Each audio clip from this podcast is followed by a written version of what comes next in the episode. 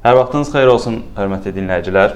Bu dəfə bu arada çoxdandır nə deyirsən rubrikası eləmirdik. Nə deyirsən rubrikamızda bizdə qonaqlar olur, müxtəlif sahənin peşəkarları və onlarla müxtəlif mövzuda müzakirələr aparırıq.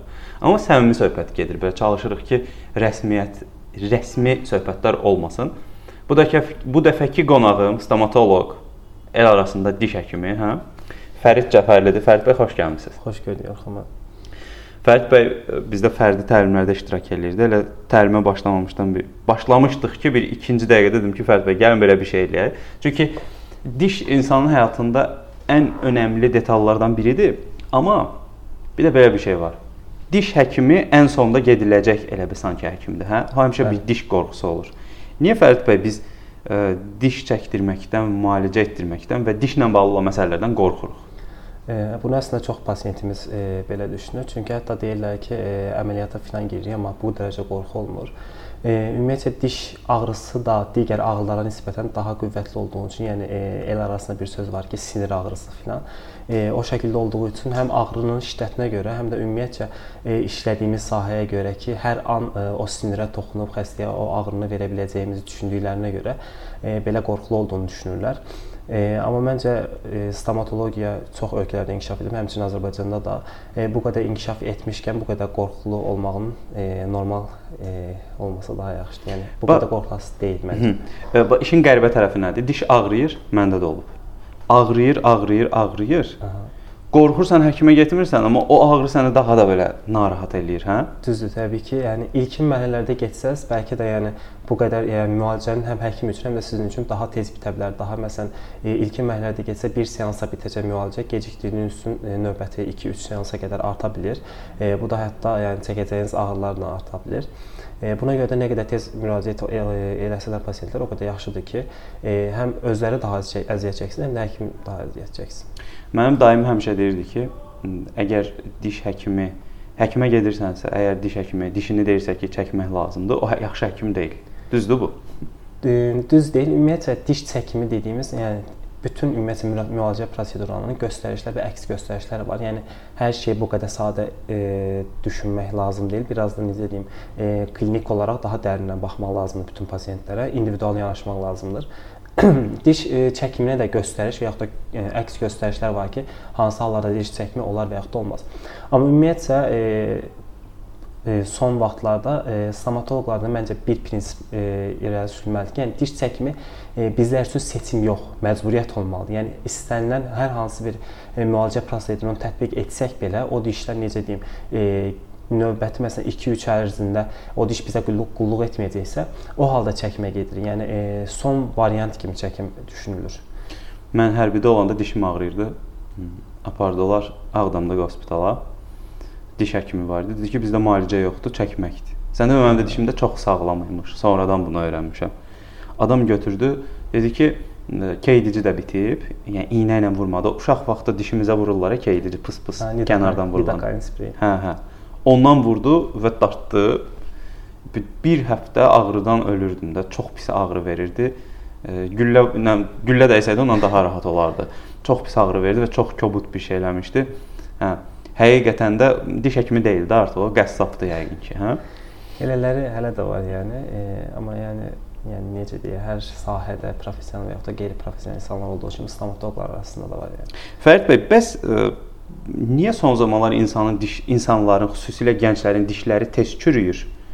Və niyə biz dişimizə baxım göstərə bilmirik? Səbəbləri nədir sizcə? E, səbəblər çox müxtəlif ola bilər təbii ki. Amma məncə istər məsələn insandan insana da dəyişə bilər. Təbii ki, necə deyim, laqeydlik baxımından laqeyd yanaşanlar olur ki, məsələn, e, dişə qulluq ən əsas olmalıdır ki, məsələn, e, dişlərin çürüməyinin bir çox səbəbləri var. Ən başda gələn səbəb gigiyenanın düzgün olmaması. Yəni gündə 2 dəfə fırçalama mütləq şəkildə olmasına baxmayaraq gündə bir dəfə fırçalayanlar var və yaxud da ümumiyyətlə heç, ümumiyyətlə heç fırçalamayanlar var. E, bunlara düzgün riayət edilmədiyi üçün bu qədər çürümə, e, dişlərdə çürümələr gedir.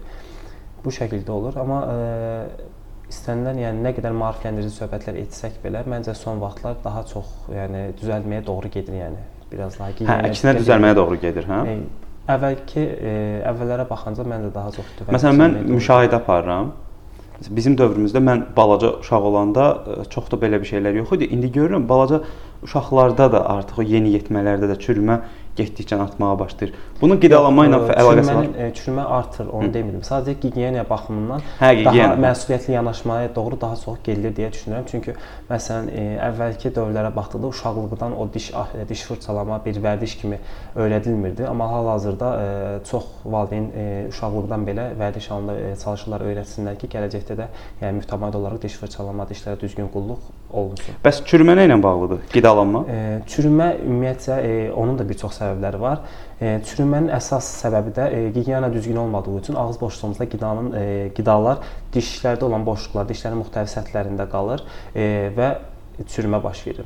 Bunun da əsas səbəbi e, arxid boşluğunda olan mikroorqanizmlər vardır ki, həmin qidalarla qidalanır və e, bəzi insanlar düşünür ki, bizim dişimizi çürüdən həmin qidaların qalmasıdır. E, həmin qidaların qalmasıdır, düzdür.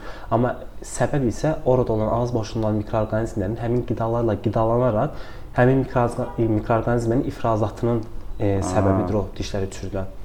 Həmin maddələrdir dişlərimizi çürüdən. Amma biz elə bilirik ki, sadəcə yeməkdir, hə? Düzdür. Məsələn, e, gigiyena dedikdə, e, gigiyena çox da düzgün ilkin olaraq düzgün baxılmadıqda ilk olaraq diş daşları və ya da dişlərimizdə ərklər əmələ gəlir.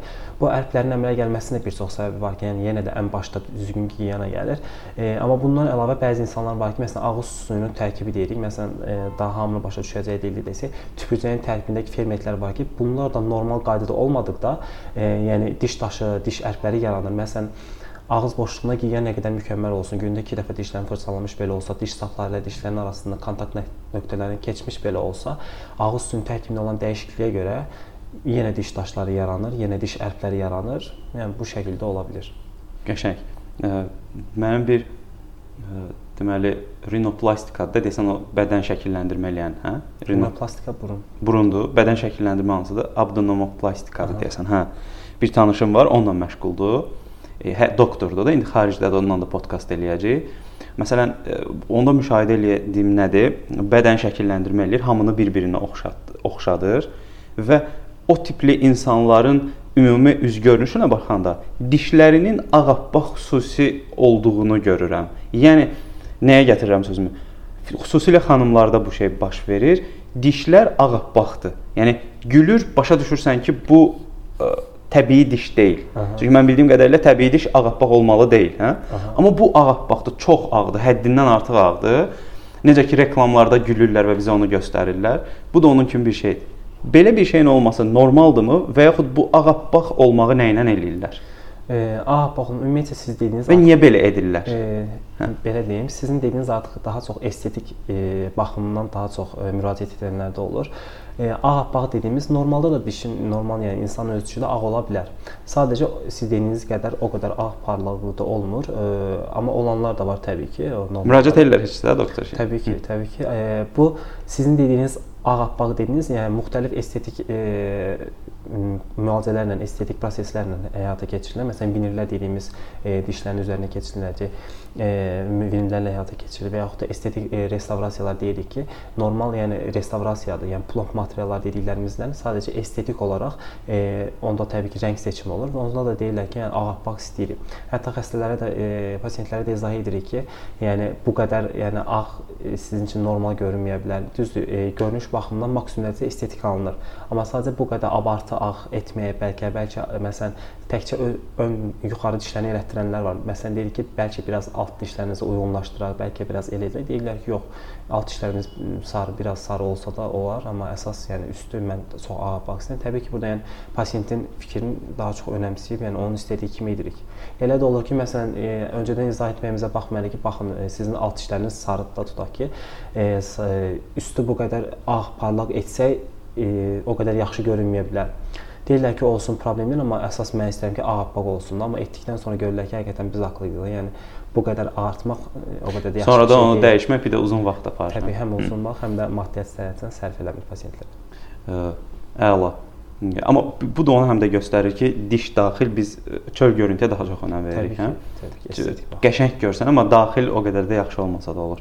Elə bir göstərə bilmədiyimiz şeylər bizim üçün o qədər də önəmli olmur sanki. Çox qəribə bir şeydir, amma xarici görünüş həmişə həmişə çox maraqlı olur. Düz. Bəs doktor dişə necə qulluq etmək lazımdır ki, təbii olaraq diş ağarsın? Yəni biz loru dildə deyirik də ağarmaq və dişimiz qəşəng görsənsin.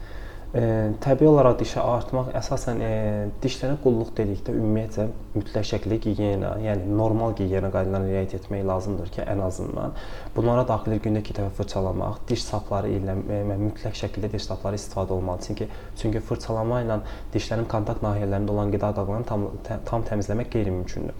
Diş sapları ilə dişlərin aralarını e, keçmək, kontakt nahiyələri təmizləmək, e, bunları etmək lazımdır ən təməldə. Amma e, ümumiyyətlə ağartmadan söhbət gedirsə, ev şəraitində və yaxud da ümumiyyətcə e, həkimə getmədən özləri necə ağarda bilərlər? Bunun üçün də e, ağarcı pastalar var ki, bunlardan istifadə edə bilərlər. Nə qədər effektiv olacağı təbii ki, sual altındadır. Yəni bunu heç kim e, yəni deyə bilməz. Çünki e, hamı da dediyim kimi individualdır. Ümumiyyətcə dişin öz rəngi də, dişin e, nə qədər ağaracağı da Yəni ev şəraitində ancaq bu şəkildə edə bilərlər. Düzgün gigiyena və yaxud da e, ancaq ağardıcı pastalardan istifadə etməklə.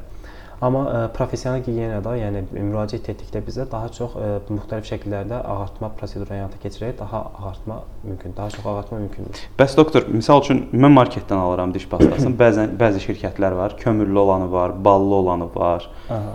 Ə, xüsusi 360 dərəcə deyirlər və s. və s. Diş macunu deyirlər, amma macun daha çox biraz faydalı bir şeylərdə olur da. Məncə onlar faydalı deyil, kimyəvi tərkiblidir.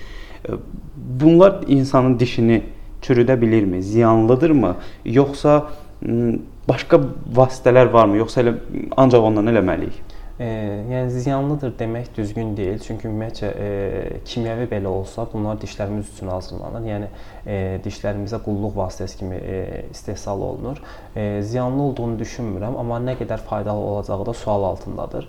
E, nə qədər faydalı olacağı sual altındadır. Bundan əlavə faydalı şəkildə dişimizi necə e, təmizləyək? Faydalı şəkildə e, yenə yəni başqa yolu yoxdur da, ən azından yəni mütləq şəkildə fırçalama yəni mütləqdir yəni. Bu öz yerində. Qaldı ki, fırçalama istifadə edəcəyimiz pastalar, məsələn, e, florlu diş pastalar var, ağardıcı diş pastalar var, müxtəlif şəkildə istehsal olunan diş pastalar var ki, e, məsələn, bəzi pasientlərim olur ki, e, flor ümumiyyətcə diş üçün önəmlidir. Ümumiyyətcə kariesin yaranmağı, yaranmaması üçün də önəmlidir.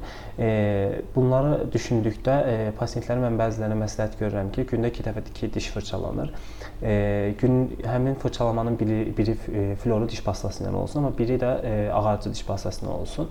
Bu həm ümumiyyətcə flor çatışmazlığının ən azından cüzi də olsa, yəni florlu diş pastalarının da nə qədər effektiv olacağı sual altındadır. Cüzi də olsa həm çürüməyin, kariesin qarşısını almağa biraz köməkli olsun, həm də ağarcı olaraq dişlərin biraz da ağarmasına köməkçi olsun. Anladım. Təbii macunlar olur, özümüz hansı ki hazırlayıb onu dişimizdə istifadə edə bilərik. Çünki mən məsələn yenə daima qayıdıram daim deyirdi ki, duzu tökürsən, sonra biraz balı tökürsən, qarışdırırsan, ondan eləyirsən, dişə təbii bir şey olur. Bunlar ə, e, türkə çarə deyirik də biz Aha. buna. Ciddi bir şeylərdir yoxsa o qədər də deyil? E, ciddi bir şeylər deyəni, yəni hazırladığınız məhluldan asılıdır. E, düzdür, çox o, o kimi şeylər çox yayılır hal-hazırda da, yəni elə düşünənlər var. E, amma onun da nə qədər effektiv olacağını heç kim yəni, yəni kəsdirə bilməz, dəqiq bir şey demək düzgün deyil yəni. E, yəni təbii, faydası ola da bilər, olmaya da bilər. Ola da bilər, olmaya da bilər, amma daha çox faydalarını hazırlamaq təbii ki mümkündür. Amma hal-hazırda ağartma üçün yəni məsləhət görülür ki, filan şeyi qaçışdırıb etdikdə daha çox ağarır filan şey, amma mən o dərəcə yəni normal qarşılamıram o şeyləri. Yəni o dərəcə effektiv olduğunu düşünmürəm. Doktor bir dənə də sual verim. Mən diş həkiminə gedəndə əvvəllər, məsəl üçün həkim iynəni elə vururdu ki, dişin Aha. kökünə, o ağrını hiss eləyirdim. Aha.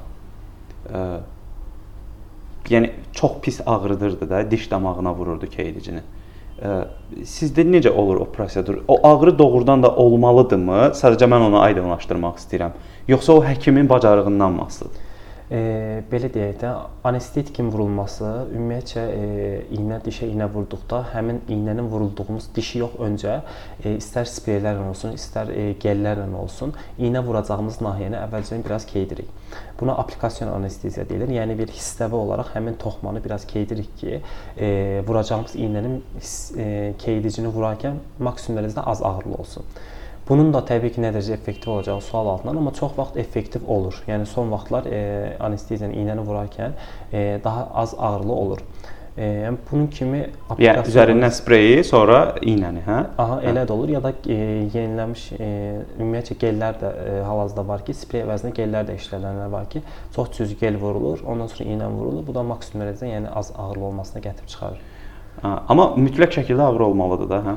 Yəni ola da bilər, olmaya da bilər. Ümumiyyətlə, yəni e, vur, vuracağımız nahiyədən asılıdır. Həmin yerdə diş ətinin e, necə olduğundan asılıdır. Bunlar hamısı ola bilər ki, e, diş ətinin kökü soyuqluyub, ümumiyyətlə dişin kökü soyuqluyub. Hansı ki, pasiyent onu bilmir. Aha. Rentgendə mən onu görə bilirəm o iynə vuranda avtomatik ağrımağa başlayır. Təbii ki, yəni iltihabi proseslər filan və sair hallar olduqda da e, iynə vurduqda biraz daha hissiyatın olması olur. Və yaxud da vuracağımız nahiyə, yenə deyirəm, vuracağımız nahiyədən asılıdır. Məsələn, normalda e, diş ətinə e, vurulur. Məsələn, yuxarı dişlərdə elə dişlər var ki, palatinal anesteziya dediyimiz e, damaqdan biraz da olsa cüzi vurmalı oluruq ki, e, həmin e, damaq sinirinin keyilməsi üçün. E, yəni orada işlətdiyimiz istər sprey, istər gel çox effektiv olmur. Yəni orada biraz daha çox e, ağrılı ola bilər. Damaqdan vurduğumuz iynələr. Bəs doktor, məsəl üçün mən həmişə tibb universitetində oxuyanda tələbələrə e, stomatologiyada oxuyan tələbə olanda həmişə onlara xüsusi bir ə, e, cəmiyyət tərəfindən qəbul edilmə olurdu ki, stomatoloqlar varlı olurlar da. Çox alıb, çoxdur həddindən artıq. Hətta mən bildiyim qədərilə tibb universitetini bitirmədən də stomatoloq olanlar var. Nəsə belə bir məsələlər var. Çoxdur hər şey. Ma e, şirkətlər var, diş üzərindən manipulyasiyalar eləyib pul qazananlar var və s. və s. Pasiyent doğru diş həkimini necə seçsin? Necə bilsin ki, bu həkim onu aldatmır? Həm maddi olaraq, həm iş olaraq. E, ümumiyyətcə hal-hazırda müraciət edən pasiyentlər necə deyim, e, diş həkiminə gəlməzdən öncə araşdırıb gəlirlər. Yəni e, istər internet olsun, istər müxtəlif yerlərdən olsun, ən azından dişdə hansı proseslərin gedəcəyi, məsələn, ağrılı gəlir, e, bilir ki, burada sinir çıxarılacaq, kök kanal müalicəsi ediləcək filan. Bəzi pasientlər olur ki, həqiqətən bunları yaxşı da araşdırıb gəlir, ən azından məlumatlı olurlar. Bu kimi hallar gəldikdə pasientlər ən azından həkimlər sevindirir ki, yəni bu ən azından maariflənmiş pasientlər, ən azından olsun az da olsa məlumatı var. Amma bəzi pasientlər var ki, e, hal-hazırda yəni istər stomat siz demişkən stomatoloqlar həddindən artıq çoxalıb, istər e, Azərbaycan və yaxud da digər bölgələrdə, e, Bakıda və yaxud da digər bölgələrdə. E, seçərkən, yəni istər və yaxud da e, bir tanışı hər hansı bir əvvəlcə bir stomatoloq gedib ona gedirlər və yaxud da hal-hazırda reklamların sayəsində e, tapdığı stomatoloqlara gedirlər. Yəni bəziləri, yəni nə qədər e, araşdırmış olsa belə aldana da bilər, istər maddi cəhətdən, istər müalicənin effektivliyi cəhətdən. Yəni buna heç kim təbii qaranti vermir. Heç kim, yəni hər kəs öz tapdığı stomatoloqa müraciət edir. O da yəni nə qədər effektiv, yaxşı müalicə ediləcəyi sual altındadır. Yəni tutar qatıq tutmaz ayran məsələsidir, hə? Məsələn, kök kanal müalicəsi edi, edilən dişlər var ki, hətta pasientləri biraz məlumatlandıra da bilərik ki, e, müalicə ən azından araşdırıb getsinlər və yaxud da müalicə edildikdən sonra rentgenoloji e, araşdırarkən rentgenoloji da biraz araşdırsınlar ki, necə olunmalıdır kök kanal müalicəsindən sonra dişlər. Müalicə etdikdən sonra həkimdən hətta e, rentgenoloji e, rentgenini də tələb etməyə məncə ola bilər ki, yəni e, həkimə desin ki, onlar diş müalicədən sonrakı rentgenə baxın ki, nə dərəcədə düzgün müalicə olunub və s. Bu kimi hallar olsa da daha yaxşı olar ki, yəni pasientlər ən azından biraz maariflənsin ki, onlardan da biraz anlayışı olsun. Araşdırmır da doktor. Məsələ bax o insanların o bir dənə də o nüansıdır ki, kütlə insanlar araşdırmır, marketinqə qaçırlar. TV-yə baxanda da elədi, təhsil alanda da elədi, həkimə müraciət edəndə də. Bütün sahələrdə olduğu kimi hal-hazırda stomatologiya, hmm. marketinq, yəni çoxdur. Reklam necədirsə ona ona uyğun da gedirlər. Təbii ki. Doktor bir də sual verim. Son olaraq. Aha. Dirdik başlayanda dedik nə qədər danışacağıq? Artıq 18 dəqiqədə danışırıq. 10-12 dəqiqə demişdik. Hə. Necə edək ki, dişlərimiz çürüməsin? Və qısa olaraq dişlərimizə necə baxmalıyıq? Düz bayaq buna toxunduq, amma ümumi olaraq belə ümumiləşdirsək, diş baxımında ən önəmli şeylər nələrdir bilməli olduğumuz? Ümumiyyətlə diş baxımına bayaq da dedim, ən önəmli şey gigiyena. Yəni düzgün gigiyena mütləqdir. Yəni e, dişlərini gündəki dəfə fırçalamayan və yaxud da ümumiyyətlə diş kontakt nahiyələri saplarla, e, diş ipləri ilə keçməyənlərdə karies daha çox yaranır və e, artıq bunların karies nə üçün yaranır suallarının verməsi biraz daha absurd bir şeydir. E, ona görə düzgün e, gigiyena mütləqdir. Bundan əlavə e, professional gigiyena deyirik ki, 6 aydan bir stomatoloqa müraciət edərək professional gigiyenaya məşğul ola bilər, e, etdirə bilərlər. O da necə ola bilər? Məsələn, diş ərkləri dedim bayaq, diş daşları dedim. Onlar mütəmadi, onlar artıq pasiyentin öz evdə özünü təmizləyə biləcəyi bir ərklər və yaxud da diş e, qüsurları deyil. Onlara yalnız professional gigiyena həkim vasitəsilə təmizlənə bilər ki, e, onlar da təmizlənmədikdə e, dişdə qalaraq kariesin yaranmasına gətirib çıxarır. Hətta e, diş daşlarını təmizlətməmək, dişlərimizin keçid boyun nahiyələrində daha çox yaranır ki, diş daşları diş ətlərinin çəkilməsinə səbəb olur ki, bir müddətdən bu əsasda yaşlı şəxslərdə biraz ortalama e, orta yaşdan biraz yüksək olan insanlarda olur ki, diş ətlərinin çəkilməsinə gətirib çıxarır ki, bunun da yəni müalicəsi artıq e, parodontoloji diş əti xəstəliklərinə gətirir çıxarır ki, müalicəsi daha da çətinləşir. Ona görə mütləq şəkildə evdə özləri üçün düzgün gigiyena, 6 ayda bir də stomatoloqda professional gigiyena məsləhət görülür. Və e, yemək yeyəndə də o əti dartışdırmaq, dişni su və yaxud çox soyuq bir şey yemək və s. və s. şeylər də təsir göstərə bilir, hə? Bəli, təbii ki. Həddindən artıq çox soyuq və həddindən də artıq çox isti, istər mayelər olsun, istər qidalar dişlərdə qıcıqlanmalara gətirir, çıxarır. Amma bu karies yaradacaqmı, yaradacaqmı, o da artıq sual altındadır. Aydındır. Çox sağ olun doktor. Təşəkkür edirəm podkastda gəldiyiniz üçün. Mən də təşəkkür edirəm. Ümid edirəm maraqlı oldu e, dinləyicilərə. Dinlədiyinizə görə təşəkkür edirəm. Fərid doktorun əlaqələrini də yerləşdirəcəm, müraciət edə bilərsiniz. Eləyə bilərlər də müraciət. Təbii ki. Hə. Fərid bəyin çox gözəl səs tonu var və çox qəşəng izah elədi. Bugün işi də işi də hə. Bu gün biraz xəstəyəm, ona görə yaxşı çıxmaya bilər amma olsun. İnanıram ki, çox da razı qalacaqsınız. Təşəkkür edirəm dinlədiyiniz üçün. Çox sağ olun.